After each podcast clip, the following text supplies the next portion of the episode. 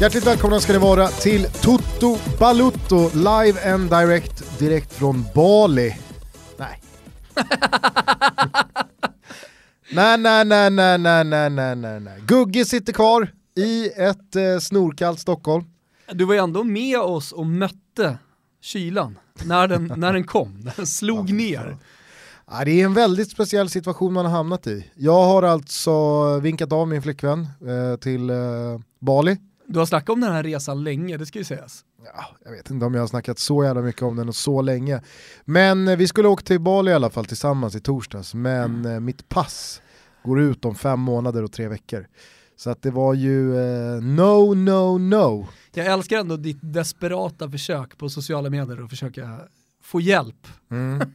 Vad trodde du eventuellt skulle kunna hända? Men är det någonting man har lärt sig i det här landet som är väldigt fyrkantigt och väldigt liksom, Men är inte alla länder fyrkantiga vad- det gäller just pass? nej, Jo. nej. Jag skulle säga så här, Sverige är ju fyrkantigare än många länder. Det är klart, alltså, Och det om man du reser vet- mellan två stycken krigshärjade, vad vet jag, afrikanska länder så kanske du får gå lite andra vägar än att åka till en passkontroll och visa upp ett pass som håller mer man- än fem, veckor och tre veck- eh, fem månader och tre veckor. det man i alla fall har lärt sig i det här landet och kanske framförallt då via Twitter, när man har förmånen som jag att ha ganska många följare, så är det ju att det sitter alltid någon där ute med liksom ett trumfkort att spela ut gentemot oss andra. Så många gånger har du inte märkt det de senaste månaderna. Jag har utnyttjat det. Jo men du har ju tagit det för långt, börja bara rådfråga vilka Vadå tv-apparater man ska ha. Vad, vad då för långt? Jag ger ju någonting från mitt, mina sociala medier, jag lägger ju ganska mycket tid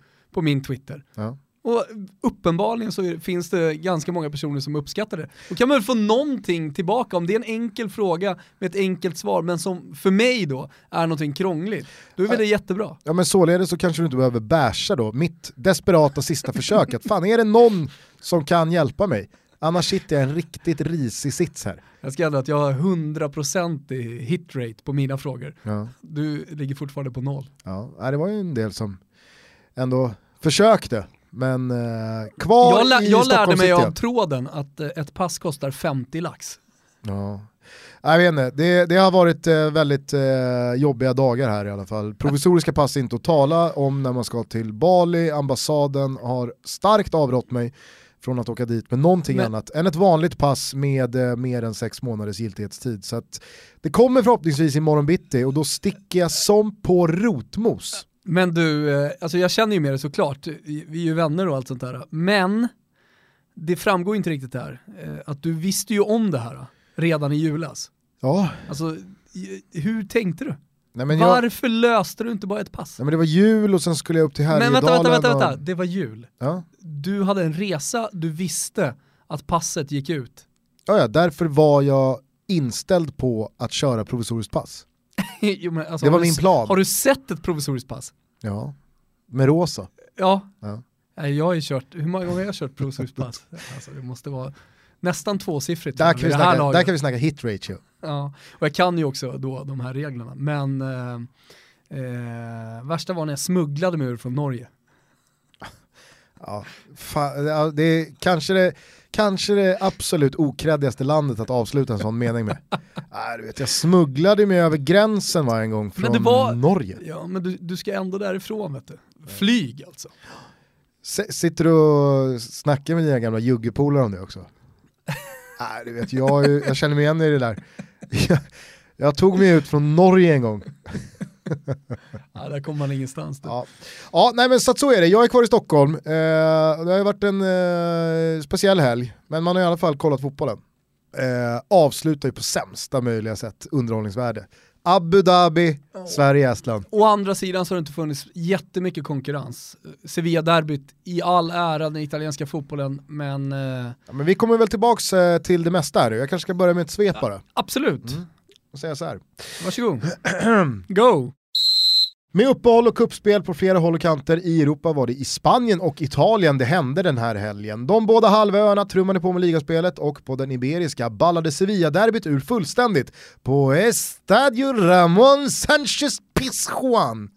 Det rödvita hemmalaget gick in i matchen som favoriter med Vincenzo Montella som ny tränare och en tabelltopp att hänga på. Men det var de grönvita Betis som lämnade planen som stadens kungar. 3-5 och en modern klassiker var född, kanske var det också Joaquins sista derbyseger, något han i alla fall inte missade att fira. Satan som han körde där på balkongen inför ett fullsmetat torg. Mm. Guvernören, sheriffen och banditen Diego Costa var tillbaka i Atletico Madrid, gjorde mål och blev utvisad. Allt är som det ska vara igen. Och Las Palmas, bryr vi oss om Las Palmas? Kanske inte. Men Kristoffer Kviborgs favoritlag och ett av fjolårets succégäng parkerar sist i La Liga-tabellen efter ännu en förlust, den här gången hemma mot Eibar. Återstår att se om nya tränaren, den så hyllade Paco Gemes, kan rädda Kanariefåglarna från Segundan. På den apenninska halvön då? Jo, där fortsätter Napoli haka av sig lag i titelstriden. Juventus tar trots VAR nya tveksamma segrar och Lazios Ciro Immobile blev först upp till 20 pytsar i toppen efter fyra stycken borta mot Spal. Andra raka segern för Benevento, den här gången mot Sampdoria och Fiorentina gjorde en riktigt bra insats måste jag säga hemma mot Inter. Ett blåsvart lag som inte alls ser ut att vara i harmoni och som snart kan glömma allt vad ligatitel heter. Vad fan hände Ska vi ändå avsluta FA-cupen? Ja, men om Arsenal ändå åker ut mot Nottingham med 4-2 redan i den tredje rundan kanske vi ändå ska det. Det bara måste vara så att Arsene Wenger brände en av fyra livlinor att nu behålla jobbet till nästa säsong i och med uttåget och nu återstår således fixad Champions League-plats, blir ju ganska tufft sett till hur tabellen ser ut, att vinna Europa League och på det sättet kvalificera sig till Champions League och dessutom då ta en buckla. Eller att börja med att lägga Chelsea på rygg i ligacupens semifinal med start i veckan och sen gå in och lyfta den minsta av pokalerna. Goda råd är dyra, mycket dyra. Annars väntar det öde som Coventry skickade Mark Hughes till genom vinsten mot denne Stoke. Hughes har länge omskrivits som dead man walking och personligen så tror jag att vi sett den vita kalufsen, de korsade armarna och de oerhört självgoda målfirandena för sista gången på en Premier League-bänk på mycket, mycket länge. Är det Potter som gäller där eller? Ja, det har ju blossats upp lite Potter och då kan Var jag säga 20 gånger cashen som eh, det snackades om? Ja, jag kan säga så här, skulle, skulle Stoke landa Potter, som för övrigt kallas för The Potters. Det visste du va? Yep. Ja. Då är det jag som betalar ut förväg. Yes. då, då, är det kört. Va? Du gör det eller? Är det handslag på det? Det vore ju väldigt surt att eh, betala ut och sen så vinner Östersund guld. Det gör de inte. Nej, alltså det, det, det är väl klart att försvinner Potter, då ryker väl eh, 95% av de eh, möjligheterna. Så att, uh, ja, nej jag vet inte, jag, jag, samtidigt så tror ja, du menar, jag inte... Du menar att uh, ett SM-guld till Östersund skulle vara 95% Harry, uh, Harry Potter, Graham Potters förtjänst? Nej, uh, förtjänst är väl inte samma sak som uh, betydande förutsättning. Ja men betydande förutsättning då, vad fan, du förstår vad jag menar. Jo men det tror jag, absolut. Tappar man Potter i det här läget, då, nej, nej, nej. Okej, okay. oh, ja. Eh, intressant hur som helst. Men Potter du... är ju liksom, Potter mm. är ju den enskilt största anledningen jo, till varför spelare vill komma till Östersund. Ja. Och med tanke på vilka spelare som både har och kommer att lämna Östersund så är ju Graham Potter en garant för att man kan ersätta de här spelarna. Vet du vad jag skulle säga? Det var den enskilt största faktorn. Jag tror att det finns andra faktorer nu. Att man ser Östersund som en klubb, lik du i alla fall, eh, en del, som faktiskt har chansen att vinna SM-guld. En klubb eh, som har visat upp att de kan vara ute i Europa och kriga.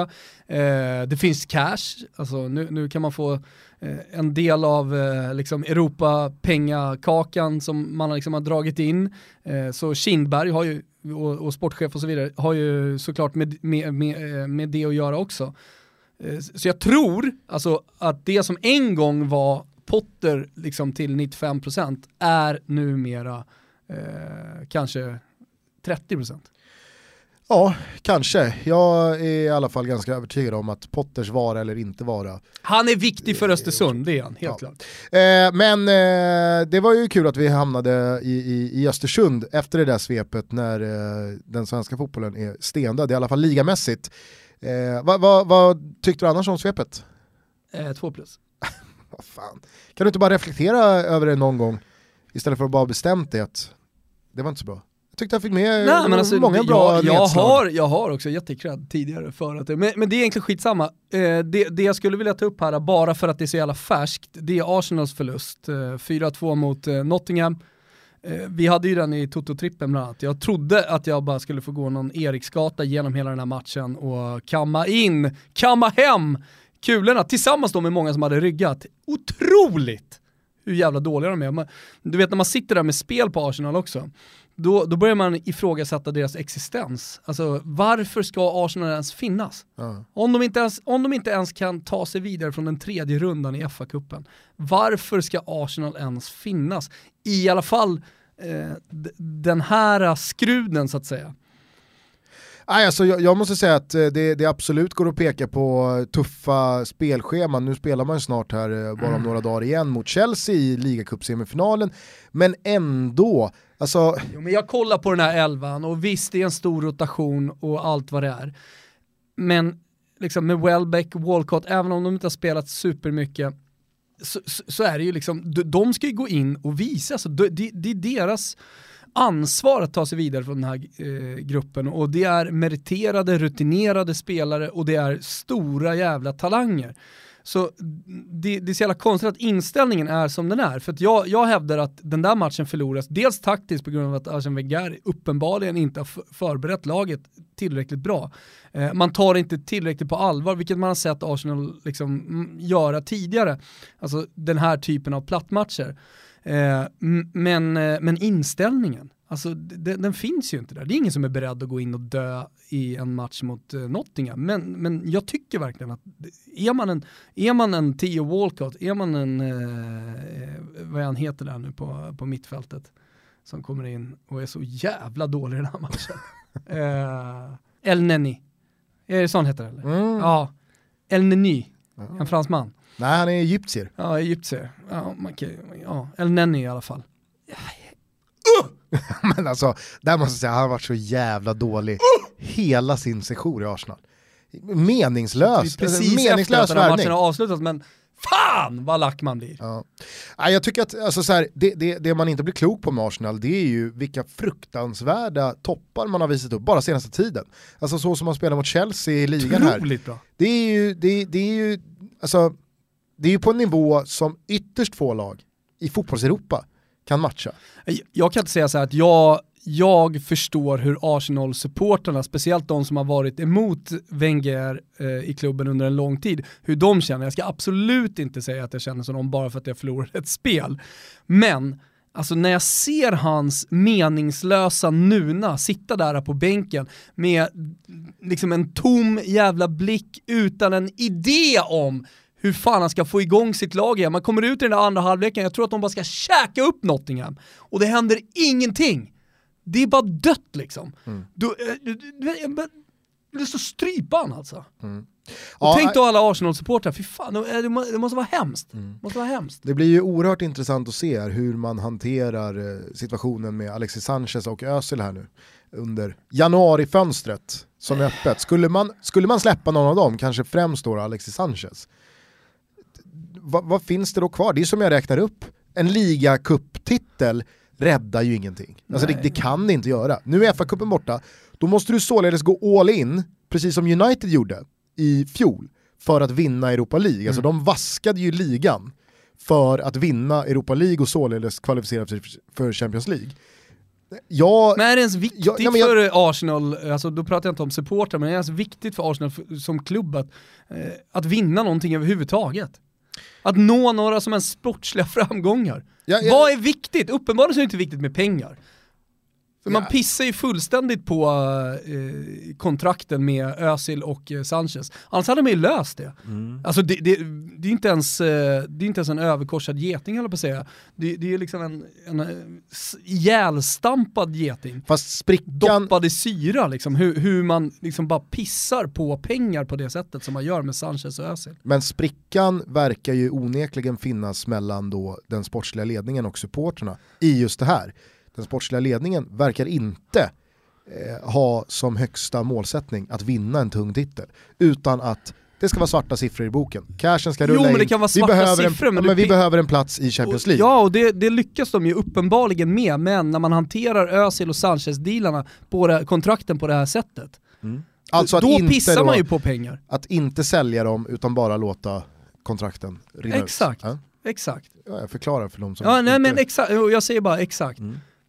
Ja, det är väldigt spännande att se vart Arsenals säsong tar vägen och var eh, det här ska sluta. Det som, rä- det som kan, förlåt Gustav, men det som kan rädda ansiktet på eh, ja, den sportsliga ledningen, eh, Wenger och, och gänget, liksom, det är ju om man lyckas signa en av de spelarna på en förlängning. Alltså då, då tycker jag ändå liksom så här, ja, men då, då, då, då har man, då har man nått någon slags godkänt ändå. kanske inte ska sätta sig i förhandlingar imorgon då. Nej, Precis åkt mot Nottingham i FA-cupen.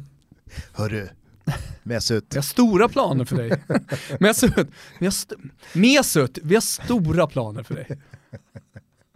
Ja. Mesut. Det, det, det som i alla fall känns liksom så här för oss utifrån, som inte behöver vara involverade med su- supportens känslor och sådär, det är ju att det känns ändå ganska spännande med Arsenal, så här, för man vet inte vad som ska hända. Allt kan hända. Det kan gå precis Kanske det de ska säga då vid förhandlingsbordet. Alltså.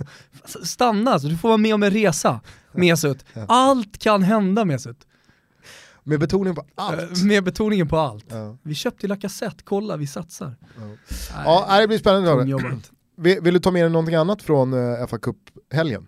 Tyckte det var en ganska sval eh, tillställning. Nej, Alltså, det, det man givetvis tar med sig, nu är ju det några dagar och Toto Balotto har ju alltid eh, en, en, kanske inte förkärlek, men vi har en tendens att eh, ignorera det som har 48 timmar på, på nacken.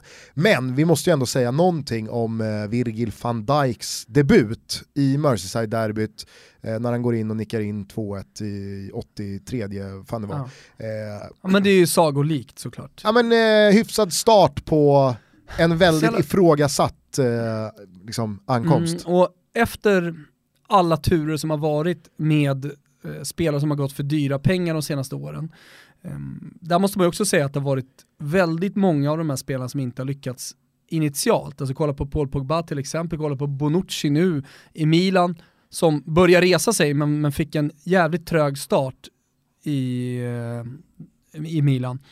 Eh, så, så har man ju fattat att det är viktigt att få fansen med sig, att få alla med sig redan från början genom en bra prestation. Därför tror jag att visst, man kan, man kan ju säga att det är, vadå, det är bara en fa Cup-match i tredje runda, kanske inte betyder jättemycket för, för klubben. Men jag tror att det, det där målet betyder betydligt mer för van Dijk och för hans, eh, i alla fall den här säsongen och den inledande ja, månaden att, att få göra det. För han kommer bli betydligt mer förlåten för misstag, om man nu skulle råka ut eller om man nu skulle stå för några misstag eh, under den här första kommande månaden. Jo, men För det, man är ju så, fansen, alla, egna precis som andra, är ju så otroligt snabba på att direkt hugga. Ja, och med nyförvärv, i synnerhet så här kolossalt dyra nyförvärv, så handlar det ju väldigt mycket om plus och minus.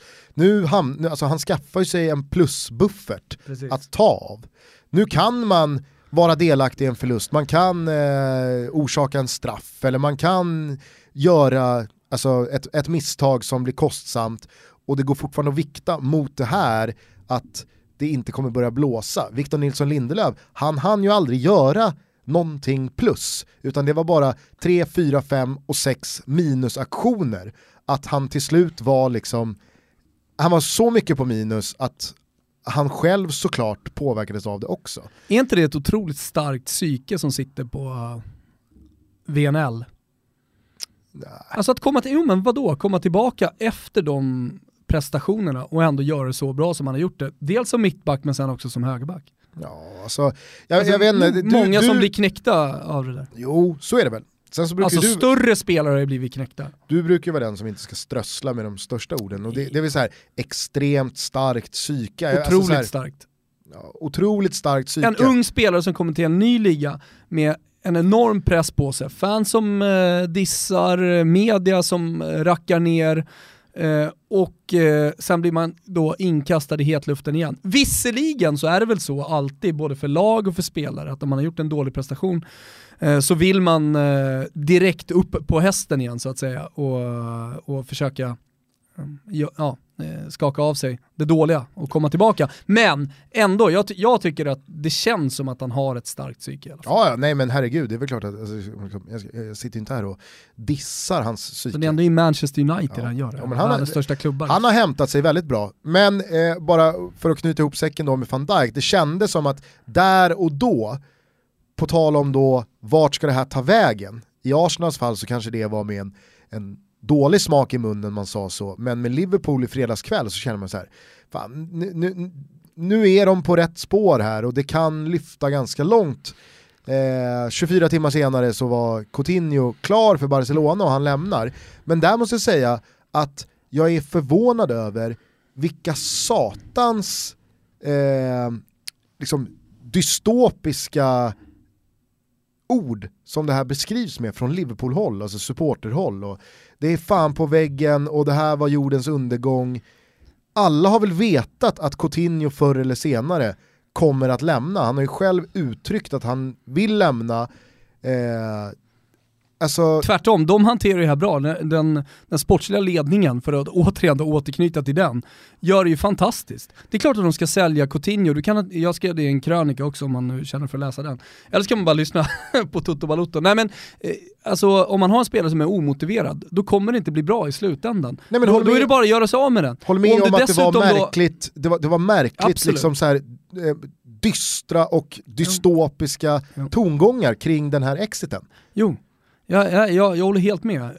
Men sen så är det så här, man, man kan inte alltid vara objektiv, utzoomad och se liksom, eh, helheten i ett sånt läge. Alltså jag, jag, jag fattar verkligen det. Alltså när, man är, när man är mitt i brinnande säsong och en av ens nyckelspelare försvinner, som man dessutom då har lärt sig älska, för det tror jag har väldigt mycket med det att göra. Alltså, det, det är det som händer eh, när man som supporter verkligen ja, men, ger, ger en spelare eh, all sin kärlek och så försvinner han. Det blir ju ett svek liksom. Eh, även om man känner till att Coutinho jättegärna vill till Barca och att han flyttade så mycket och det, det, det som hände i somras, det är inte så länge sedan. Liksom. Eh, men jag tror att många hade förväntat sig ändå att han skulle stanna hela vägen till sommaren. Hur som helst, om man då, för det kan ju du och jag göra, se på det här lite nyktert och lite utzoomat, eh, så, så gör ju Liverpool till skillnad från Arsenal helt rätt. De säljer i rätt läge. Nu får de 150 miljoner, du vet inte vad som händer imorgon. Du vet, det du vet är att du kommer ha en omotiverad spelare, en spelare som kommer fortsätta att bråka eller bråka, men fortsätta att vilja, vilja, vilja försvinna. Vilja vara någon annanstans. Exakt, exakt. Eh, och med, med, 150 miljoner, alltså med den truppen och speciellt då, alltså, nu sitter man med, med Klopp, med Jürgen Klopp och vad, vad, vad är han skicklig på? Jo, att få offensiva spelare att prestera maximalt. Här finns hur många, hur många exempel som helst. Från Dortmund-tiden, från Mainz-tiden om, man nu, om man nu så vill, eh, och eh, från Liverpool-tiden. Alltså, Mares som nu förväntas komma in då för, för 50 miljoner, det, det, måste man också förstå. Att, att han kostar 50 miljoner, folk tycker att det kanske är mycket pengar. Jo, men nu hamnar man i en sån situation med marknaden att alla vet om att de sitter där med 150 millar. Precis som Napoli hade jättemycket pengar från Gonzalo Higuain och från Cavani och så vidare, så går priserna upp lite. Det är inget konstigt. Men man sitter alltså kanske då eh, inför nästa Premier League-omgång med Mares i laget, visserligen inte en lika bra spelare som Coutinho, men ge, alltså, Jürgen Klopp kommer se till att få ut maximalt av honom och det kommer bli bra så inåt helvete. Och en miljard! Ja, vi ska ju heller inte glömma att Liverpool flög ganska högt i inledningen av den här säsongen utan Coutinho. Precis. Mané har ju mer eller mindre på grund av avstängningar och skador saknats senaste månaderna. I honom finns det ett jättekapital. Absolut. Adam Lallana är tillbaka från skada, Oxlade Chamberlain har ju mm. kommit igång efter en trög start. Så kan jo, men så här, man är ju inte orolig för Liverpools offensiv, Coutinho eller inte Coutinho. Nej. Speciellt inte om man tar in Mahrez. Och jag tror också att den här prislappen, alltså 1,6 miljarder, jag, jag har läst 160 ja, men miljoner euro. skitsamma, det är inte. Ja, men det, det det också gör, det är ju att det går ju, alltså det, det, det släcker ju eh, branden, om vi ska kalla det för det, som har varit kritiken gentemot van Dijks prislapp. Alltså helt plötsligt så blev ju van Dijk 300 miljoner billigare. För att Liverpool kan ju kommunicera, jo men nu fick vi in 1,6 miljarder här. Alltså visst man har fortfarande betalat jättemycket pengar för van Dijk, men pratar man liksom så här nettoresultat och pratar man pengar ut, pengar in, så, så är det ju som du säger, alltså, Liverpool har gjort jättebra affärer. Och som sagt, återigen, man är inte orolig för, eller jag är i alla fall inte det, för Liverpools offensiv. Eh, däremot så är man orolig för defensiven. Om man då blir av med Coutinho, får in van Dijk och Mares, ja då, då kan man ju absolut argumentera för att Liverpool har blivit ett starkare lag. Är du, eh, känner du dig liksom trygg i Mares-landningen? Absolut. Okej. Okay. Eller i alla fall av det, eller hur ska jag känna mig trygg? Jag har inga direkt eh, ingångar i Liverpool på något sätt. Men, nej, jag vet bara, men jag vet bara jag att jag har pratat väldigt mycket om att så här, nej men liksom, nej, man vill hellre ha Lemar från Monaco då. Alltså jag tror inte att Mares kommer gå Lemar till Liverpool. Från... Ja, ja, ja, du menar om jag är trygg? Nej, Ja, skitsamma. Att, att, att Mares är Mares, det är absolut. Ja. Sen var jag en stor motståndare till eh, Mares i somras då, när han var väldigt nära Roma. Eh, men det var ju då, då? 16-17 Mares man hade på, han, han, var ju inte, alltså så här, ja, men nu, återigen, alltså, du, du, och många andra måste sluta att liksom tycka att spelare tar slut bara för man gör en dålig säsong. Alltså, alltså, men vadå, sätt Mares i Jürgen Klopps Liverpool så fattar du väl att han kommer göra poäng? Jo, alltså... Det... Sätt, sätt Mares med Di Francesco så fattar du att han kommer göra poäng. Kan El Sharawi göra massa poäng så kan väl för fan Mares göra poäng. Defrell då? Ja, Defrell kommer. Vänta bara. Vänta bara, det är min gubbe alltså. det lovar jag. Fan vad snett vi har hamnat offensivt. Defrell, fin, alltså. Chicken, alltså Chic och Jecko. Vad är det man säger? Det är som olja och... Återigen där, Chic. Var inte orolig, Chic kommer börja leverera. Är det, kommer, olja, du, är det olja och vinäger man säger? Jag garanterar Chic. Okay. Jag garanterar. Ja. Så otroligt fin spelare. Ja, det, det blir Allt spännande. kan inte bara liksom komma på en månad, två månader, tre månader. Ibland tar det lite tid Gusten. Du måste förstå det. Vet du vad som inte kommer ta tid? Och spelare dör inte bara för att de gör en dålig säsong. Nej, det sa jag inte heller. Jo, det var exakt vad du sa. Nej, det var verkligen inte jo. det jag sa. Men vet du vad som inte kommer ta tid? Nej. Coutinho i Barca. Nej, det kommer, kommer gå flyga direkt. direkt. Helvete! På dirren. Helvete vad bra det kommer se ut. Men tungt, tungt, tungt måste man ju säga för Coutinho då. Alltså, som får sitta kvisten under Champions League-våren. Mm.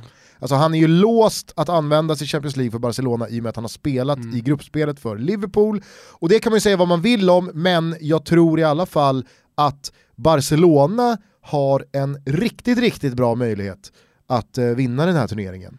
Eh, med Coutinho så hade det ju ah, garanterat sett bättre ut än så. Eh, men eh, det måste ändå kännas lite, lite så här smolkigt i bägaren för Coutinho att sitta vid sidan om nu. När min krönika kom ut på webben om Coutinhos flytt till Barcelona så var ju sista meningen just att nu ska fan inget kunna stoppa Barcelona från att ta Champions League-titeln. Det tog ju tio minuter innan, innan Twitter... Det är nästan värt att uh, gå in och korrigera, eller? Alltså, alltså, korrigeringen sker ju på en hundradel, alltså, okay. så försvinner den med. Men den gick aldrig i tryck? Nej, det, nej jag hann korrigera även i trycket. Alltså. Det, det hade varit jobbigt. det, hade, det hade å andra sidan kanske varit någonting att spara då. Ja. Eh, eh, ja, det har varit en liten avvikning av dig själv. man gör, det är klart att det kan försvinna, alltså komma in något korvfel, stavfel eller sådär. Eh, nu för tiden så, så är ju redaktionerna, redaktörerna inte riktigt lika många på print i och med att printupplagorna går ner så har man inte riktigt råd. Eh, så så det, det korras ju inte på samma sätt. Däremot så lär man sig själv korra bättre, men det är klart att det, det, det smyger sig in och stavfel då och då. Däremot så hade ju eh, det här varit ett av, ett av de tyngre felen då som man hade begått. Ja. Eller som man har begått. Är det någon annan övergång som har eh, fastnat på din näthinna så här i inledningen oh, av mig. transferfönstret? V vad har hänt? Nej, vi har ju sett Chelsea landa Ross Barkley från Everton. Ja, tycker jag känns spännande. Spännande, vet du fan om det känns. Jo, men det tycker jag. Jag känner alltså... ingenting för Ross Barkley till Chelsea, däremot så tror jag att det blir bra. Alltså det blir så bra som det låter. Ross Barkley till Chelsea, blir bra. Okej, okay, ja. Eh, jag tycker i alla fall att det är... Vad är det som är spännande med Ross Barkley till Chelsea? Ross Barkley har ju eh, länge varit den här... Alltså, vem är Ross Barkley? Alltså, det, det, är en, det är en naturkraft från Liverpool.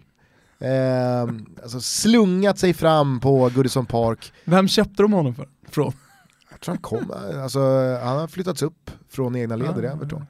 Eh, men han är otroligt bra, alltså. han har ju en sån jävla eh, power i allt han gör. Skott och i, i eh, fysik och hans sätt att spela. Alltså, han är ju liksom den gamla brittiska mm. fotbollen förkroppsligad i den nya, moderna, internationella, eh, vad säger man liksom? Han är en mix av det gamla och det nya.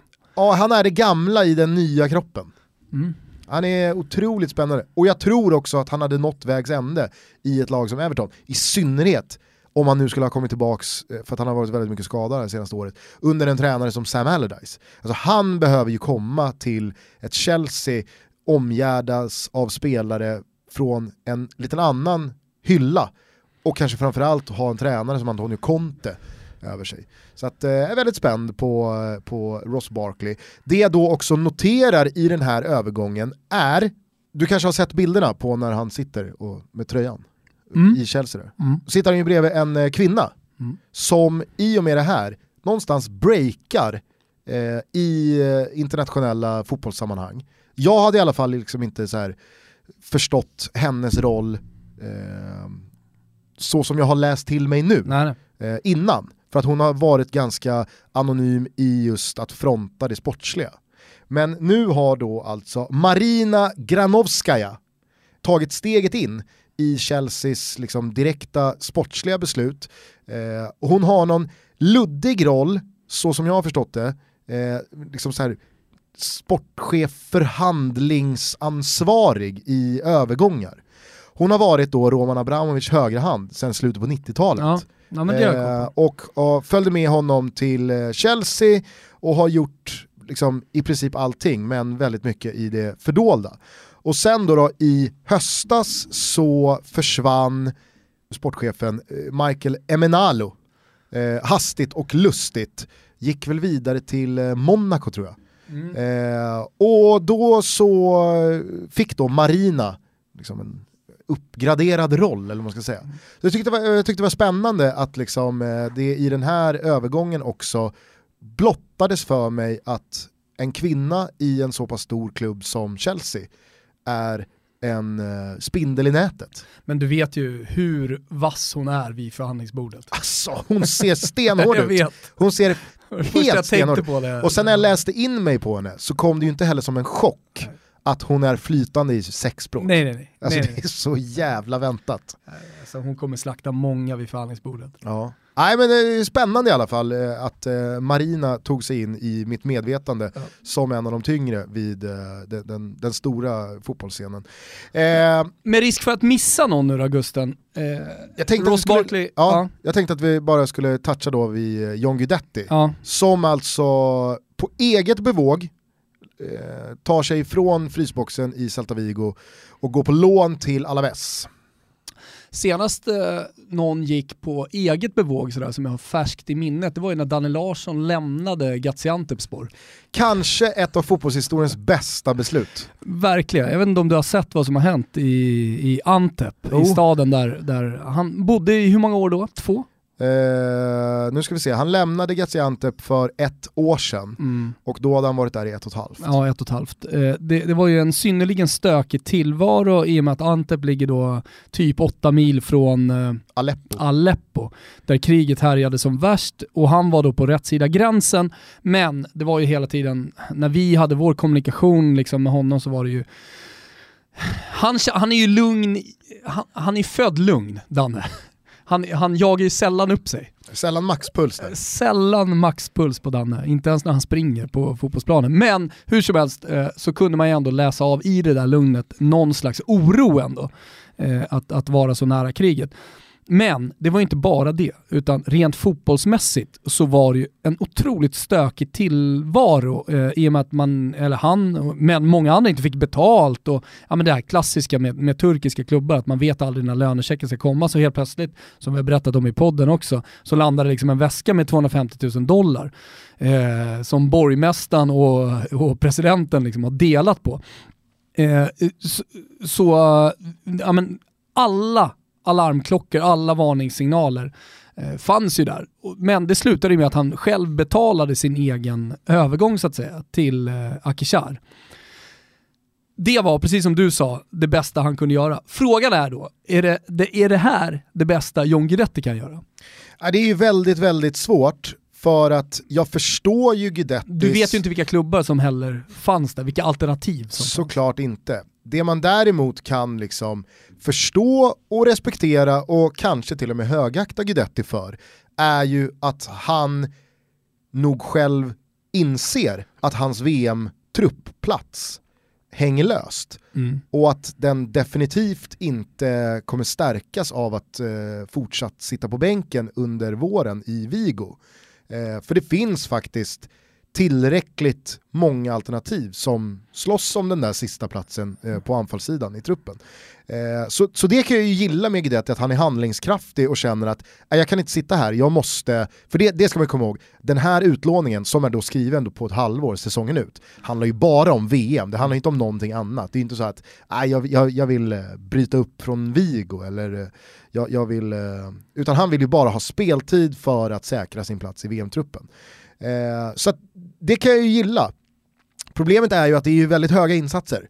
Eh, för att det kan ju fortfarande vara så att det inte går speciellt bra. Nu tror jag i och för sig att han kommer få spela, så att speltiden kommer alltså, ju bli, den kommer ju bli större än vad den har varit i, i Celta under säsongen. Det är lite samma problem som med Samuel Armenteros, alltså han hamnar i en klubb som ligger tvärsist. Nej, inte tvärsist. Men de ligger ju i botten. Alltså så här, Absolut, ja. men jag menade Benevento. Jaha. Alltså att han hamnade, eller eh, en, en klubb då som går rejäl kräftgång. Trots att man har vunnit två matcher i rad, kanske nu det släpper, men problemet är att det är Koda som har gjort det, en annan anfallare och inte Samuel Armenteros. Det är för övrigt eh, intressant. Koda var ju på väg bort, det var ju en massa klubbar i Serie B som var ute efter honom. Och vad jag förstod det som så skulle Armenteros då eh, kanske få lite mer speltid och att man satsar på honom när Koda försvann. Men nu gjorde han de här två målen. Eh, han har väl gjort mål två matcher i rad tror jag. Han har, han har varit direkt eh, avgörande i de här två segrarna för Benevento. Vad sätter det Armenteros någonstans? Kanske är det då han som kommer bli utlånad. Han har ju också ett VM att satsa på. Eller hur? Ja. Och, och vara kvar i Benevento och dessutom nu har hamnat ännu längre ner i anfallshierarkin, det är inte jättebra. Hur som helst, tillbaka till eh, John Guidetti. Han hamnar i, i, i ett Alaves som ligger dåligt till och som inte spelar någon superoffensiv fotboll. Han kommer inte få så mycket chanser kanske per match att göra mål och då vill det till att han är extremt effektiv. Komma dit med kanske lite stukat självförtroende då och missa ett par lägen i början. Du, vad, vad, vad händer då? Ja, ja precis. Sen... Även om man får chansen, så även om Alaves ger honom liksom alla nycklar så att säga eh, och, och, låter honom starta, mm. så, så, så, kommer ju självförtroendet i alla fall inte, inte att stärkas eh, om, om det nu inleds dåligt. Nej men det är klart att det är skillnad på att som forward gå till Alaves i La Liga än att gå till Feyenoord i Eredivisie. Så det, det, det är olika förutsättningar för en anfallare att få trycka dit några bollar, vilket är det som behövs. Sen så är jag ganska övertygad om att Jan Andersson har haft, eh, kanske inte ett finger med i spelet här, men jag är övertygad om att det har funnits en dialog här mellan honom och Gudetti. Där John har liksom pejlat av läget och där jag kan tänka mig att Jan Andersson mm, har sagt liksom, det viktiga är att du spelar. Det viktiga är att du spelar fotboll. Såklart. Eh. Men alltså det säger ju Janne i intervjuer också. Han har väl till och med kommenterat den här övergången. Eller kommenterat John Guidettis situation hur som helst. Mm. Och sagt exakt de orden. Så det är klart att han inte har sagt något annat till honom. Nej nej, precis. Men där är ju då VM-platsen snarare hänger ju den och handlar den om speltid jo. än mål. Ja. Men där går det att komma tillbaka till, vad händer med John Guidetti om han går på lån till Alaves, spelar, det är väl kvar eh, 19 omgångar för honom, 20 omgångar för honom. Låt säga att han spelar 16 matcher, gör ett mål. Vad händer med en John Guidetti med eh, tre år kvar på kontraktet i Celta Vigo i sommar då? För att jag, Fan vad deppigt det låter, alltså, jag gillar John Guidetti så jävla mycket så jag vill, jag vill verkligen att han ska lyckas. Mm. Jag tror att han kommer lyckas. Jag tror att oavsett eh, om han gör 0, 2 eller 5 mål i Alaves, jag är helt övertygad om att John Guidetti kommer med i VM-truppen, men jag tror inte att han kommer spela speciellt mycket fotboll i VM. Eh. Alltså oavsett vad som händer om nu inte någon av Berg och Toivonen skadar sig så är det ju de två som startar första matchen. Ja, jag tror inte, jag tror, Sen kan man ju för sig göra som Schillaci hörru. Ja, det är klart att... Ja, ja man kan hoppa in och så kan man bli VM-kung. Det, det kan bara, man göra. Det jag bara menar är att VM eller inte, det blir jävligt intressant att se var John Guidettis karriär tar vägen i sommar. Eh, för att jag, jag, ser det absolut inte som omöjligt att det är ganska blött krut i, i eh, Det var geväret. länge sen, det var länge sen som John Guidetti var i Feyenoord. Det känns som att det var evigheter sen som eh, John Guidetti var i Feyenoord. Alltså, oändlig tid har gått sen han satt och höll hov på någon egen presskonferens Ja. och satt hos Skavlan och pratade. Alltså där kändes det ju verkligen som att så här, fan, nu, nu, har vi, nu har vi vår nästa riktigt stora anfallare. Ja, men alltså det vecklades ju ut en helt enorm billboard på Stureplan för en fem år sedan. Bara en bild på John Guidetti där det stod tronarvingen. Mm. För då var han ju då i, Herregud. personligt sponsrad av Nike och han skulle liksom gå i Zlatans fotspår. Och, det kändes verkligen som the det- next big thing. Var det det som var jinxen då kanske? Ah, Jag vet inte, men eh, Jinxens liksom, mamma, eller det, det, ögonblicket som är Guidettis karriär sen dess, det är ju debuten i Stoke. när, när Wenström och gubbarna i Premier League-studion försöker koka upp soppan på spiken. Kolla här, vilken debut! Guidetti drar iväg en toffelvolley fem meter över. Oh! Jävlar! Han är het! Han, är het. han kommer till lägen i alla fall, det är det som är det viktiga. Ja, nej, eh, jag tycker i alla fall att det är, eh, kanske inte schnitzelvärt då, men cred till Guidetti att han eh, agerar. Eh, liksom lite, eh, han, han, han, han menar ju allvar. Mm. Eh, på tal om schnitzel då, vi kanske ska komma till schnitzeln så byter vi spår, land och eh, fokus lite kort. Jag trodde du skulle schnitzla Sevilla-derbyt. På Ramon Sanchez Pizjuan. Det är bara för att du vill säga det. Nej, Men det var ju en sjuk match. ja, jo det var det. Sjuk match. Montella kommer in och tar fem i baken. Fy fan. Har man ju självklart gått ut på Twitter och också på något sätt garanterat Men där kan man succén. också, så här, där kan man också så här backa bandet ett halvår i... i Det såg liksom så här- bättre ut än vad det gjorde innan. Alltså, Jo, eller det ser väl aldrig bra ut när man släpper in fem mål, men det var som någon påpekade, det hade blivit 5-0 om det hade... Men om vi, nu ska, om vi nu ska låta det vara något slags tema för det här avsnittet så är det ju lite intressant, alltså vi har pratat om då Arsenal, Liverpool, John Guidetti. Hur kommer det bli? Det ska bli väldigt spännande att se vad som händer kommande halvår. Vart, den, vart det tar vägen någonstans. På samma sätt så kan man ju säga det om Vincenzo Montella. Alltså backa bandet ett halvår. Vem hade kunnat liksom förutspå i sommar, eller i somras, att om ett halvår så står Vincenzo Montella som ny Sevilla-tränare Och torska 5-3 där. och torskar 5-3 hemma mot Betis. Eh, alltså det, det är liksom, fotbollens väg är outgrundliga och det är fan i mig underbart. Men du, på tal om tronarvinge då, lyssna på det här Gusten. spiccare il volo con le sue ali.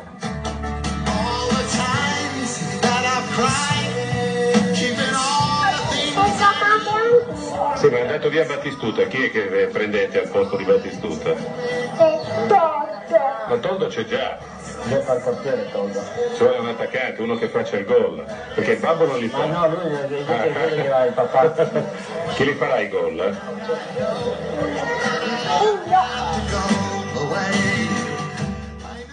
Det görs inte jättebra kanske i ljud i och med att det är på italienska också, men du sa tronarvinge, vi pratade om John Guidetti. Eh, nu har vi en tronarvinge på riktigt. Federico Chiesa. Du nämnde matchen i svepet eh, Fiorentina-Inter. Eh, vi har inte pratat så jättemycket, vi har pratat mycket om Inter men inte så jättemycket om Fiorentina och det finns ju anledningar eh, till det.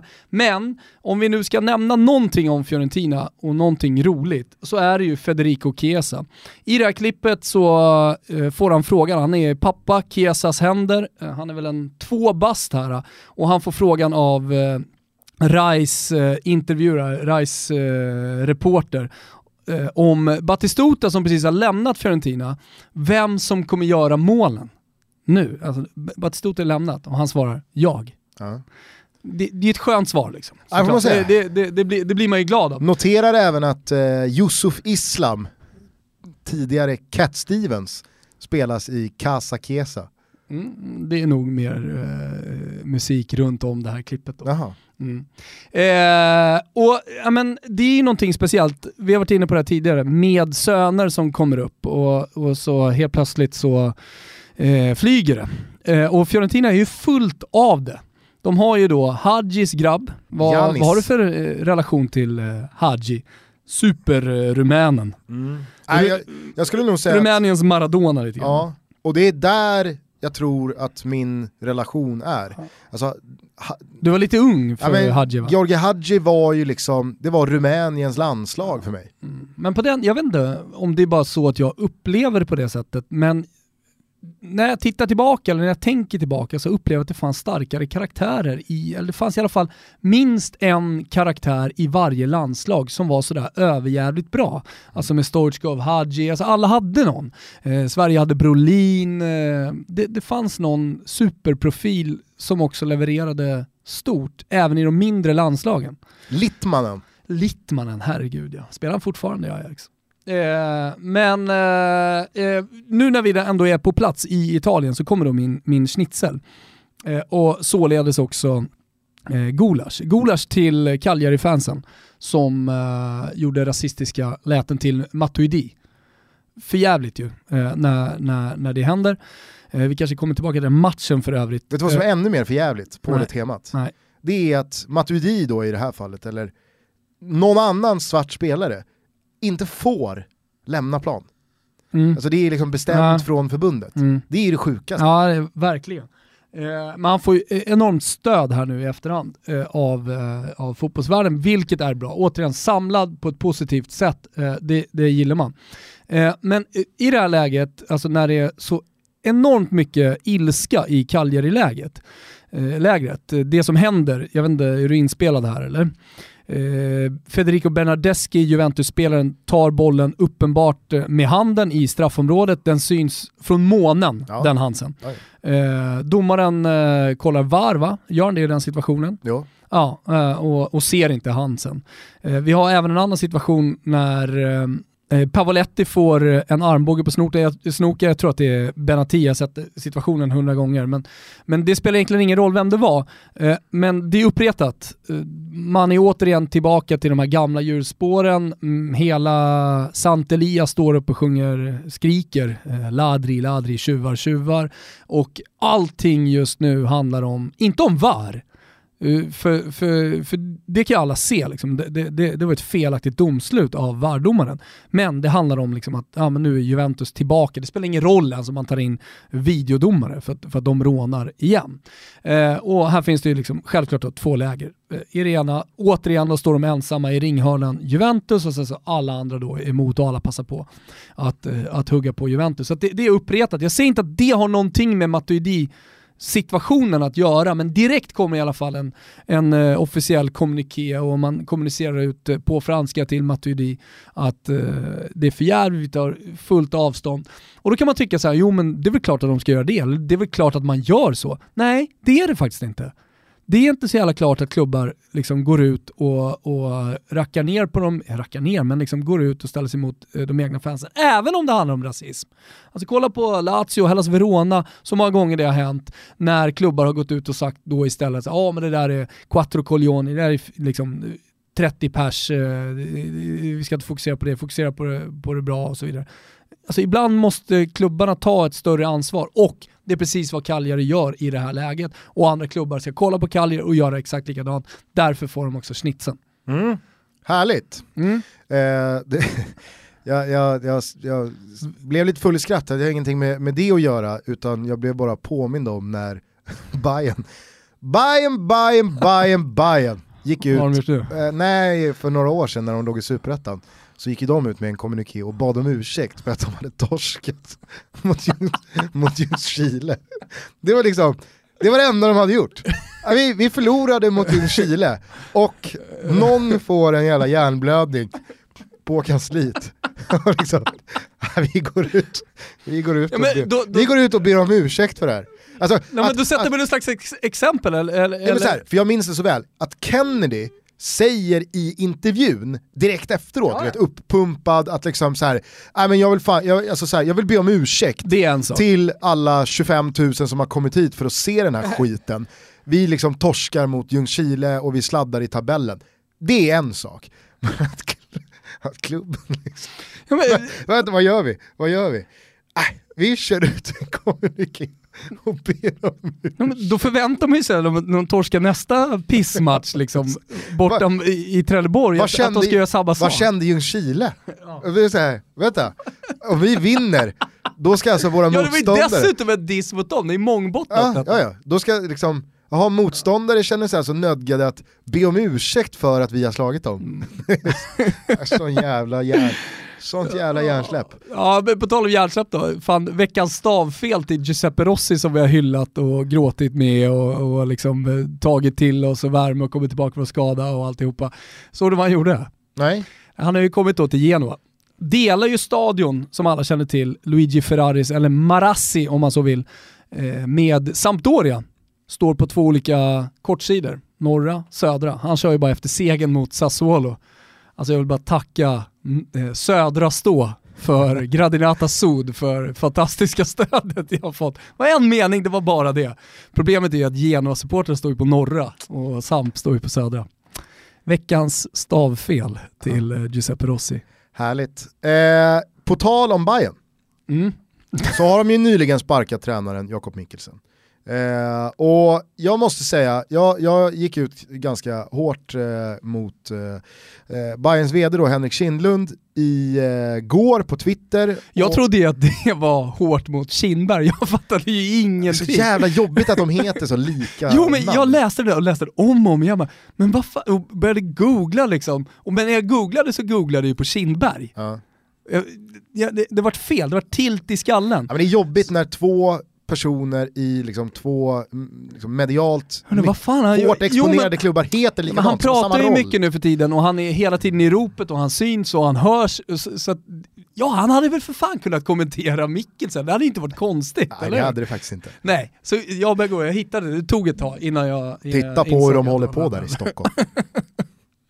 Ja, Han har ju ett fjollträsk i sig. Oh ja. Mm. Det som har hänt i alla fall är att, eh, det har väl ingen missat, Bayern sparkar Jakob Mikkelsen efter mindre än ett år på posten. Eh, och det här är ju en tränare som man alltså ska komma ihåg att Bayern eh, betalade pengar för att lösa från sitt kontrakt och han var verkligen pinpointad som frälsaren och allting skulle eh, liksom falla på plats här nu i starten av en flera år lång plan som så många klubbar har. Eh, Jesper Jansson kommer in några månader senare, en profilerad sportchef med eh, en tung spelarkarriär i, i bagaget. Men kanske framförallt då eftersom han har gjort så bra resultat som sportchef, både i Helsingborg men i FCK också. Hämtas in och det börjar ju ganska tidigt då eh, blossa upp rykten om att det här går inte ihop. Eh, alltså Jansson och Mikkelsen. Eh, sen så har ju Bayern försökt då på olika sätt eh, kommunicera att nej nej, här finns det ingen spricka. Men det blev ju då givetvis uppenbart att ingen rök utan eld den här gången heller. Hammarby sparkar Mikkelsen trots att man har liksom försvarat honom genom hela hösten, en höst som har varit bedrövd resultatmässigt. Men det har i samma vänder pratats om att nej, men vi bygger för 2018, det är nästa år som eh, vi, vi ska få ihop det här, vi behöver tre fönster på oss, bla bla bla bla bla. Nu blev det ju så här. Och nu i dagarna så kommer då Henrik Kindlund, Bayerns vd, ut med en lång eh, intervju där han liksom förvisso eh, konstaterade uppenbara att det här var ju en felrekrytering och eh, det var eh, det, liksom, det blev ett misslyckande. Men det jag då vänder mig emot det är jag skrev då att jag, jag förstår inte hur man som ytterst ansvarig tillsammans med styrelsen för den här rekry- rekryteringen kan ta så lättvindigt på det och säga ja det vart ju en felrekrytering det här, det, det blev ett misslyckande. Det, det ser ju alla. Har du sparkat en tränare som du har skrivit tre år med, som du har kommunicerat att det här är the man som ska vara på plats här nu och ta oss in i nästa fas. Sparkar du honom efter ett år, jag, jag, jag, då behöver du inte ens säga att det här blev fel. För det kan ju alla konstatera. Och det, Vad borde han göra? Borde han avgå eller? nej men avgå, alltså det här är ju, alltså Hammarby har ju senaste tio åren ett beklämmande dåligt liksom facit av att vi gör samma fel om och om och om och om, och om igen. Och den här gången, så, så, alltså, så, så här, när man har Men det ska alltid startas upp på ny Exakt, kula. och när man har lovat så mycket, när man har kommunicerat så mycket under 2017, när resultaten har uteblivit och när eh, det har varit väldigt många som har ifrågasatt eh, vad som har skett och man har liksom investerat så mycket förtroende i Jakob Mikkelsen och sen sparkar honom i början på januari, då tycker inte jag att det räcker med att man som vd och ytterst ansvarig står och säger ja, nej vad ska jag säga, det blev en felrekrytering. Eh, och eh, det, det, det blev inte bra det här, det blev ett misslyckande. Det kan ju alla se med egna ögon. Det, det, man, det jag tänker i alla fall att Hammarby-supportrar vill och behöver höra, och nu vet jag också att det kommer något medlemsmöte eller årsmöte eller vad det nu är nästa vecka, där det förmodligen kommer sägas mer saker. Men det man, det man liksom så här vill veta då, det man vill höra, det är va, aha, varför skulle det bli bättre den här gången? Alltså vad är det ni ska... Alltså, det, jag saknar självrannsakan, jag saknar liksom ödmjukhet från den yttersta ansvariga sportsliga ledningens håll också, att den här felrekryteringen är på oss. Det är ju vi då som Jo, är problemet ansvariga för att den den, här jo, jo, men pro problemet med rekryteringen är ju att den är gjord av den gamla sportsliga ledningen. Nej, nej, nej. Nej, alltså det är ju liksom, det är Jesper Jansson som har kommit in. Jo, fast snälla rara. Eh, Du menar att det inte finns någon hierarki i en organisation, i Hammarbys organisation? Är alla, eh, är är du helt säker på att det är en platt organisation? Där alla liksom fattar eh, beslut gemensamt. Det är klart att sportchefen är den som har mest att säga till om. Det är han som är chef över tränaren. Jo, jo, Om han inte känner att det lirar med tränaren, då, då kan man ju inte gå vidare. Då måste antingen sportchefen lämna, eller så får tränaren lämna. fast man har ju hämtat in Jesper Jansson två månader efter man har eh, landat Jakob Jo men det är där felet är, det är det jag säger. Men, det är, men, men då, då är det ju så här. Då, då, då blir det ju ännu... Då skulle, man, då skulle man inte ha gått ut så starkt i sin kommunikation och i, i sitt stöd för Mikkelsen under året om man kände vartåt det barkade. Nej. Utan då, skulle, då skulle man kanske mer då ha filtrerat det genom Jesper Janssons huvud Och då blir man ju ännu... och hittat någon jävla mellanväg eller Men då, någonting. då blir man ju ännu mer ansvarig för den uppkomna situationen när man dels har hämtat en tränare, tre månader senare hämtar man in en sportchef som man då inte får att gå ihop. Visst, Jesper Jansson har sitt jobb att sköta, Jakob Mikkelsen har sitt jobb att sköta. Jag tror i alla fall att Hammarby gör rätt att lägga det sportsliga Alltså det sportsliga ansvaret i Jesper Janssons händer, snarare än att fortsätta låta styrelsen, eller andra i den organisationen, fortsätta ta felaktiga beslut. För jag tror fan så mycket mer på Jesper Jansson än vad jag tror på de eh, gubbarna som har suttit där och tagit de här uppenbarligen dåliga, usla besluten tidigare. Absolut, och då vill jag bara förtydliga här. Jag tycker inte heller att Hammarby skulle fortsätta med både Mikkelsen och Jesper Jansson. En mm, liksom, match som uppenbarligen inte funkade. Och då är det bättre att eh, skicka eh, tränaren i det här fallet och satsa vidare på Jesper Jansson och ta in någon eh, utifrån de förutsättningarna. Men med det sagt, så precis som du är inne på, så är det ju deras dåliga beslut som har lett till det här. Och då tycker jag att det är lite för lättvindigt att som ytterst ansvarig bara säga att ah, det var en felrekrytering. Och Men vad så- ska så han är det- säga då tycker du? Ja, men jag tycker att man, man får vara lite mer, i den här intervjun så säger han dessutom så här, ja men det, det, Men vara lite mer, jag förstår fortfarande inte vad han ska säga. Han har ju sagt att det är fel, att, han, att, de, har gjort, att de har gjort fel. men att de har gjort en felrekrytering, det, det, liksom så här, det, det behöver du inte ens säga. Jaha, åh fan, så att eh, ni, ni sparkade honom, vad skönt att någon förtydligade att, att, det- att det blev en felrekrytering. Att det, att det var Men vad ska han säga då? Ja men det här vi pratar om, det här, det här är alldeles för dåligt från vårt håll. Men istället så kommuniceras det i den här intervjun att det är Mikkelsen som inte har ställt upp på eh, premisserna som det här ska ha eh, startat på. Att ja, men det var Jakob som, som eh, började falla ur ramen, alltså det blir nästan som att ja, men vi skuldbelägger Mikkelsen. Jag tycker bara att det är, det är fel, det, det är lite provocerande agerat av eh, ytterst ansvarig i en förening när det har skitit sig så hårt.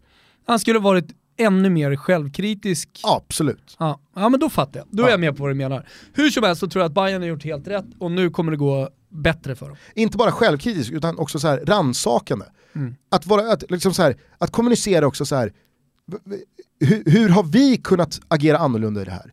Hur ska, alltså så, här, så här ska vi göra nu för att det här inte ska ske igen. För det är ju där jag oroar mig att Bayern är, liksom, Bayern är Men in pratar han inte om, det kanske inte var han, men pratar de inte om att Hammarby ska spela på ett sätt eh, att en tränare får lite mindre inflytande. Det kanske inte är lika viktigt vem som kommer, utan kommer till Bayern då spelar vi på det här sättet. Men då måste ju det ha förändrats Vilket jag tycker låter som bullshit. Jag tycker måste- inte alls det är progressivt eller eh, jag- liksom nytänkande är det absolut inte, men jag tror inte att det är positivt. För Nej, men- att alla tränare kommer in med sina idéer, så enkelt är det. Sen kan det finnas absolut liksom en ideologi i klubben, det kan finnas en idé om att så här, vi spelar likt Barcelona, liksom att ja, vi, vi, har mycket boll, tiki-taka och, och så vidare. Nu låter det här kanske li, lite väl banalt eh, analyserat, men jag tror att alla förstår vad jag menar.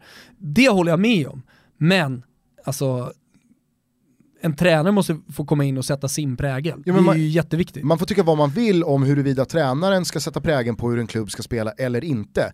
Det man måste landa i är att, var, det på ett annorlunda sätt för ett år sedan då eller? Eller blev det annorlunda i och med Jesper Janssons intåg? Det är ju det här, och det är, det är samma, det är samma personer som har liksom, som kommunicerar det här nu och som ska rekrytera nästa tränare.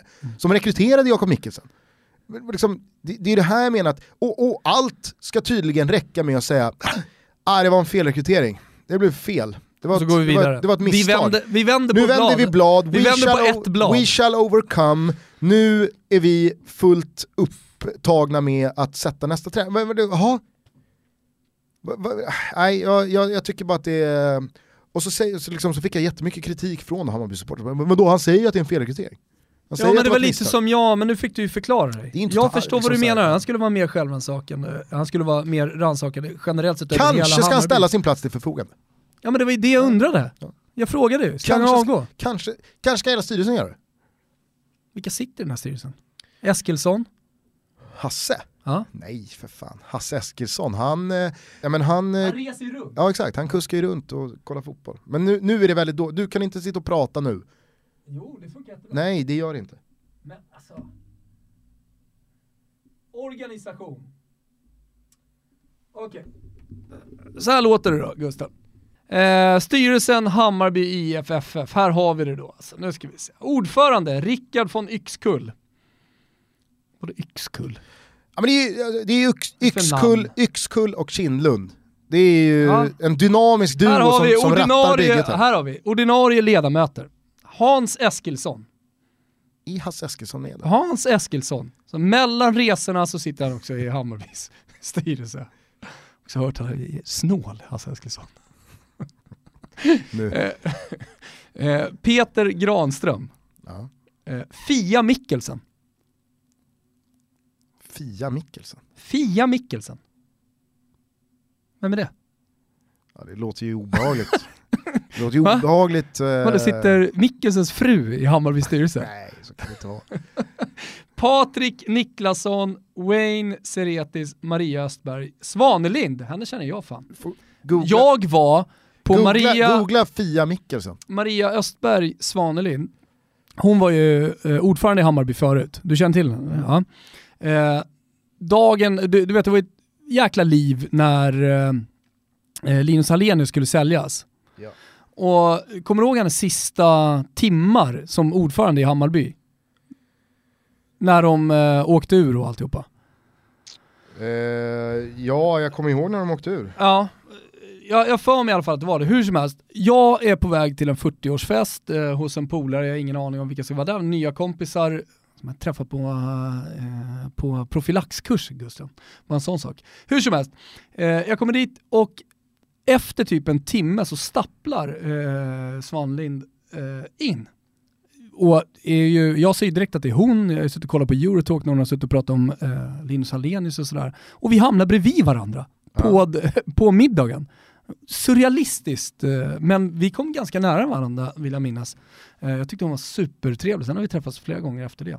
Hon sitter där i alla fall. Det verkar bara vara en slump att båda heter Mikkelsen. Ja det är bara en slump. Ja. Det är ju faktiskt helt otroligt. Mm. Ja. Ja, ja. Eh, där har vi styrelsen. Jag tycker inte att de ska avgå. Nej, det tycker inte jag heller. Jag efterfrågar bara lite jävla mer självrannsakan och faktiskt en, en ansvarsbörda här. Istället för att säga det var ett misslyckande, det var en felrekrytering, men det var Jakobs fel att det blev som det blev. Jag tycker det är, det är ovärdigt. På tal om ovärdigt, ska vi avsluta det här avsnittet med eh, att, alltså så här, förhoppningsvis lyssna till det sista kapitlet i fighten Mourinho mot Conte. För det, nu, nu, nu, har- har inte- jävlar, har inte- ja, nu jävlar, nu jävlar är det... Nu slänger de handskarna. Ja. Nu är det... Nu, det nu är det blod. så. Nu är det inne i ringen. Inte ens ringen, nu är inne i buren. Vet du vad det är? Nu är det no way back. Alltså, de, de, de kommer ju inte röka säger, säger inte Conte att de ska sätta sig i ett enskilt rum och reda ut allt det här nästa gång de möts? Jag vet inte fan. Jo, Men vi kan väl i alla fall han har lyssna till här vad Mourinho sa Mm. i sitt senaste slag i den här eh, duellen. The only thing I want to say to end the story is that yes, I made mistakes in the past on the touchline. Yes, I will make less, but I think I will still make a few. What never happened to me and will never happen is to be suspended for match fixing. That never happened to me and will never happen. Ja, så där säger ju Mourinho att eh, liksom, det, det kommer i alla fall aldrig vara någon som eh, kommer anklaga honom eller stänga av honom för matchfixning. En oerhört salt passning till eh, Conte. Som Tycker då, också på något sätt att den är så här, visst det är sandlåda över hela det här, man ska inte bete sig på det här sättet, det, det är löjligt, ja, vad ni nu vill. Men eh, det är ju det är snyggt någonstans också, om man nu ska bråka, om man nu hamnar i ringen i sandlådan, då, då, då drar han ett bra kort här. alltså han har ju växlat upp på sistone, Mourinho. Hörde du när han svingade mot Paul Scholes? Ja, det är väl inget missat. Nej, men det, vi kan väl bara lyssna på, Paul Scholes har i någon eh, tv-sändning eh, kvällen innan suttit och eh, kritiserat användningen av Paul Pogba, han tycker att Mourinho har spelat honom i fel position, bla bla bla. Och sen så får eh, Paul Pogba då spela i vad Paul Scholes tycker är rätt position, det är väl många som tycker det. I den matchen mot Everton, Paul Pogba är jättebra, två assist och han är frigjord och så här. Och då, säger, då räknar liksom Paul Scholes hem det här som att ni borde ha lyssnat på mig från första början och Mourinho, Mourinho Mourinho har gjort fel. Och så får då Mourinho frågan om det här på en presskonferens. Eh, snackar väldigt mycket om att Paul Scholes kommer, liksom, det är en fantastisk fotbollsspelare. Eh, kanske kommer han någon gång vilja bli tränare. Och så säger han så här. Då. I think Scholes will be in the history like a phenomenal player, not as a not as a pundit. So I prefer to look at him as a phenomenal player that gave so much to the club that I I am proud to to represent and to give my my humble contribution every day. Every day I try to do I try to do my best. Uh, if Paul one day decides to be a manager, I wish that he can that he can be 25% as successful as myself because 25% so 50% is 12 and a half silver silverware 25% is around 6 if he's 25% you'll be you'll be quite happy Six Twen- trophies. 25%, six trophies. Så jävla, jä, jävla bra. Det är ju liksom så här, det är sandlådenivå men han säger det på ett sätt, alltså så här, han, han drar inte på smilbanden en enda gång utan han är bara. Men jag, vet du vad, jag har fan inga problem. Eh, Jag, jag, har, jag har suttit och tänkt att det är sandlådnivå. Jo, men men fast- fan det här gör ju mig glad. Ja, Fortsätt. fast, fast eh, när vi nu ska lyssna på Contes svar på då Mourinhos utspel om att eh, han i alla fall aldrig har blivit avstängd för matchfixning, vilket vi gör nu. It's been an interesting 24 hours. There were some very strong words from Jose Mourinho yesterday. How, how would you respond to that? But uh, I think when um, when uh, there are these type of comments and uh, the comment uh, you try to offend a person and you you don't know the the truth, mm, I think that you are a little man, a little man, and he was a little man in the past. Uh, he's uh, he's a little man in the present. maybe he will be a little man also in the future. Det som, alltså jag är helt med dig, för att det kanske gör dig glad och det gör väl mig glad i, i stunden också, att fan det händer, det händer lite grejer. Det är inte bara att det händer lite grejer. Det, det, är det är kul. Det är Ja, roligt. Ja, absolut. Ja, nu händer det lite grejer. Det, men det här är ju... men det som är sandlådenivå är ju att de som du säger att Conte då har antytt, ja men va, ring varandra för fan. Alltså lös det här då.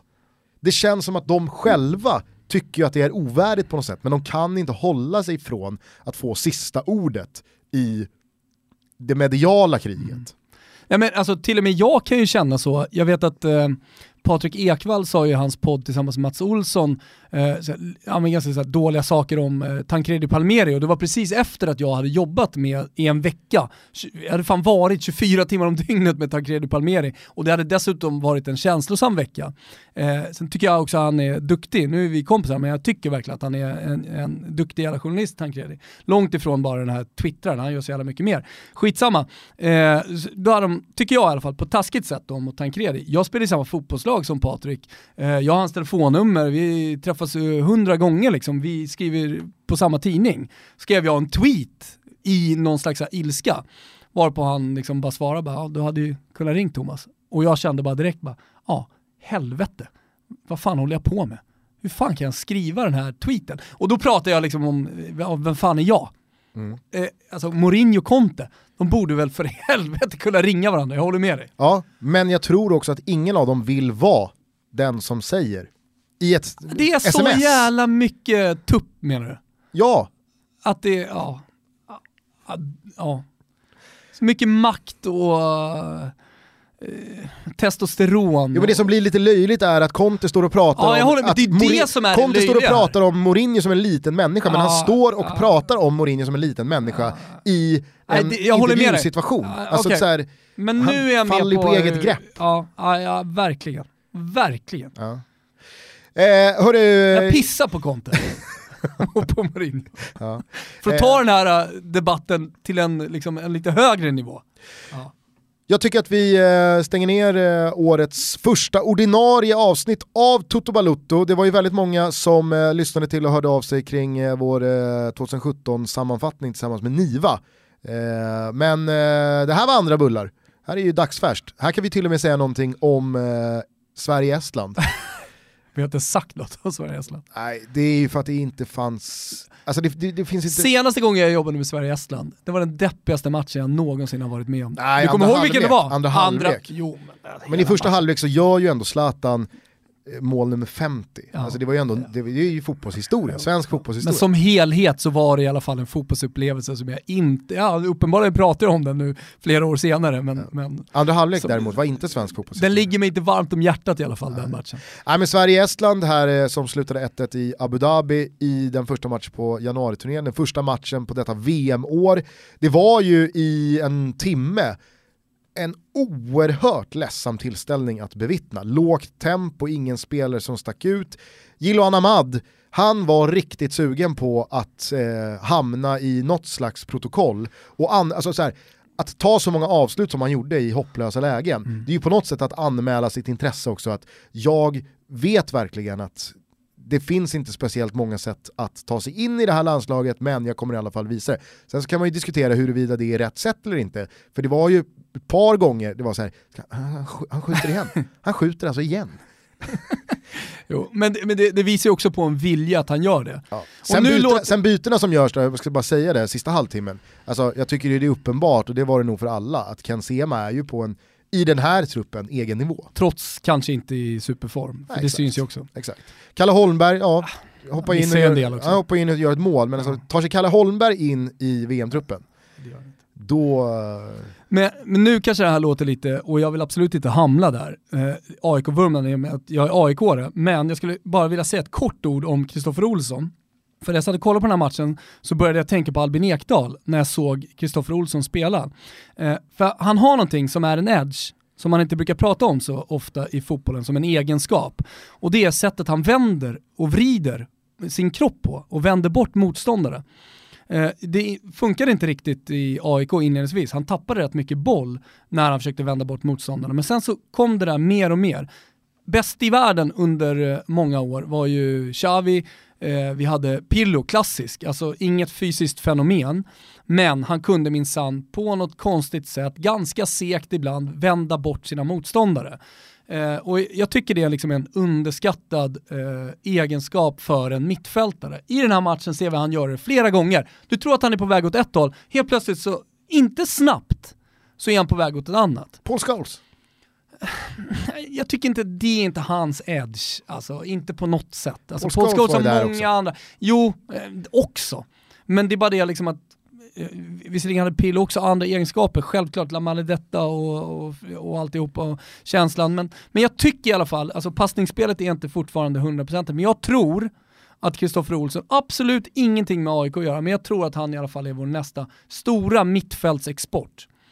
Eh, Skönt då att jag satt i en Eurotalk-soffa eh, innan playoff-matchen Sverige-Italien och han före då säga att jag tror att Albin Ekdals arvtagare heter Kristoffer Olsson. Ja okej, ja, men då, nu är de ju rätt lika i spelet. Men jag, det jag ville komma till, ja, att vi är överens om det. Nej, Men- jag var först. Det jag vill komma till var i alla fall att när Albin Ekdal kom fram, eh, så kom han fram mitt i den här tyska umpa-umpa-fotbollen som alla skulle spela. Det skulle vara högt tempo, det skulle vara en tvåvägs mittfältare som minsann kunde ställa om, springa förbi dina motståndare. Ja men du kommer ihåg det här, när 4-2-3-1 verkligen gjorde intåg eh, i fotbollen och, och tyskarna liksom bara flög fram med, sin off- med sitt offensiva spel. Och då skulle minsann mittfältarna klara av det också, kommer ni ihåg det? Ja.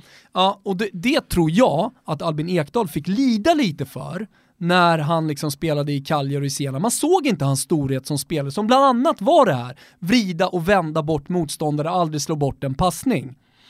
Eh, för jag menar så här, då vill ju alla på något sätt se eh, en spelare som liksom stod, ja men om man ska fortsätta göra den tyska jämförelsen, liksom längst fram, borden längst fram i Löwenbräu-tältet på Oktoberfestival, där det var liksom umpa, umpa, umpa och fartfylld musik. Det var liksom vad man ville ha för slags fotboll, speciellt från en mittfältare.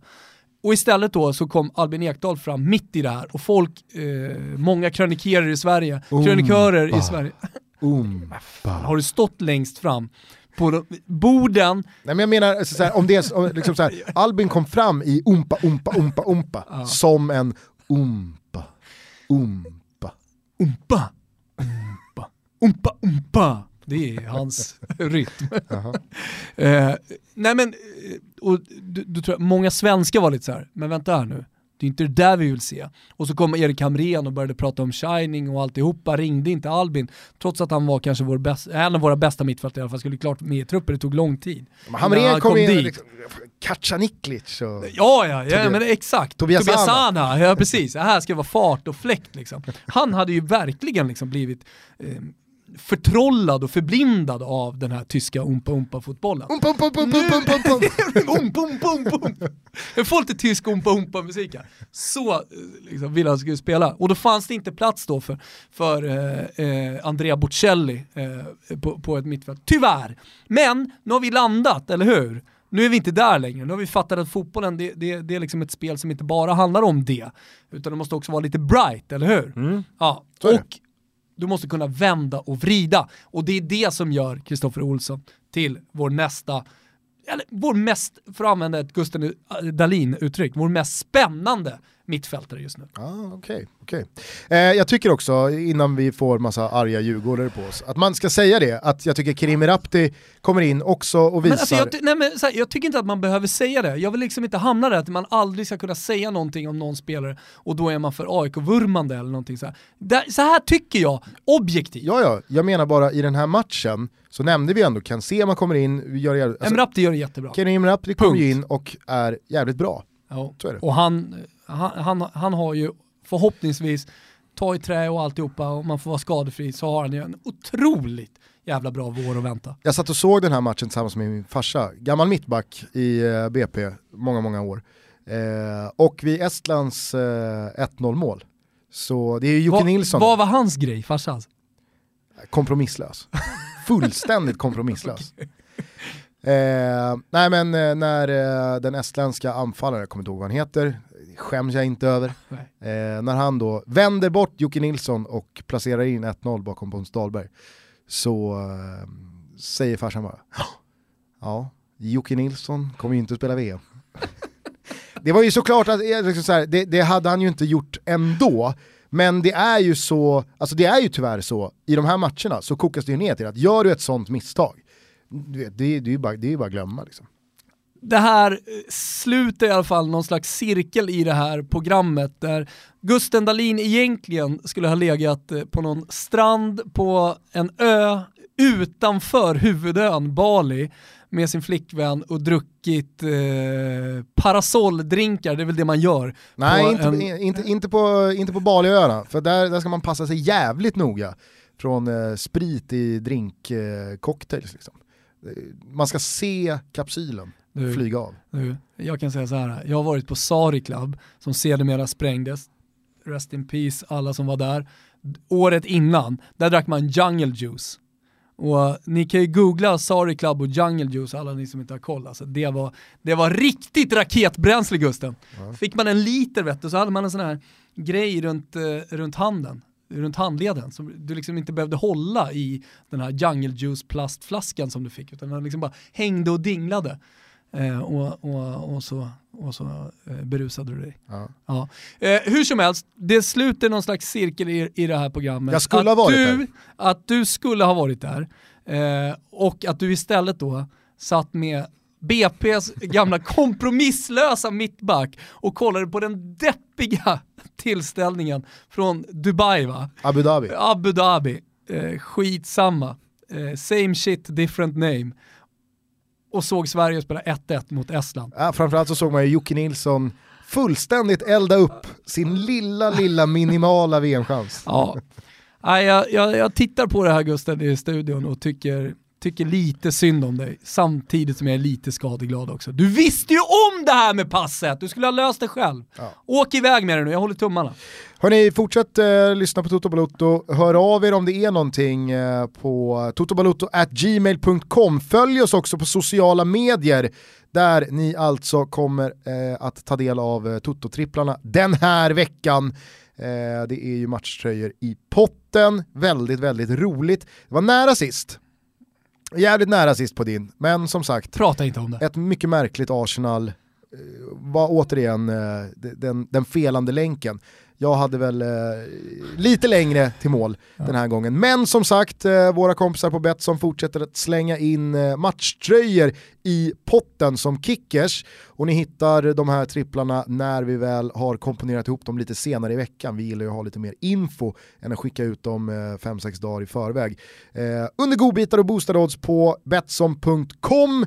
Insatsen är 148 kronor. Om du hade fått välja en matchtröja av idag, om du hade vunnit en av de här kickersna, vilken matchtröja hade du legat vantarna på då? Gudettis i alla väs. Såg du för övrigt att eh, Liverpool eh, erbjuder alla som har köpt Coutinhos tröja Fan den här vad du säsongen? inte vill åka hem till en tom lägenhet nu Gusten Nej, och nej. sätta dig i mörkret och tända ett ljus. Såg du att Liverpool erbjöd alla sina supportrar som har köpt Coutinhos tröja den här säsongen eh, någon sån här voucher att ma- man får byta ut. Tror jag. Tyckte det var, en snygg gest. Visst, visst. Eh, det var en snygg gest. Mm. Eh, Ska vi men gå hem eller? du tar Gudettis tröja i Alaves. Frågan är vilken själv man hade tagit. Det är nu det kommer. Vad tror du om den allsvenska säsongen egentligen? Nu tycker jag vi avslutar det här avsnittet med en tysk Umpa Umpa-låt och sen så önskar vi alla er en fortsatt trevlig vecka. Ciao tutti! Ciao tutti!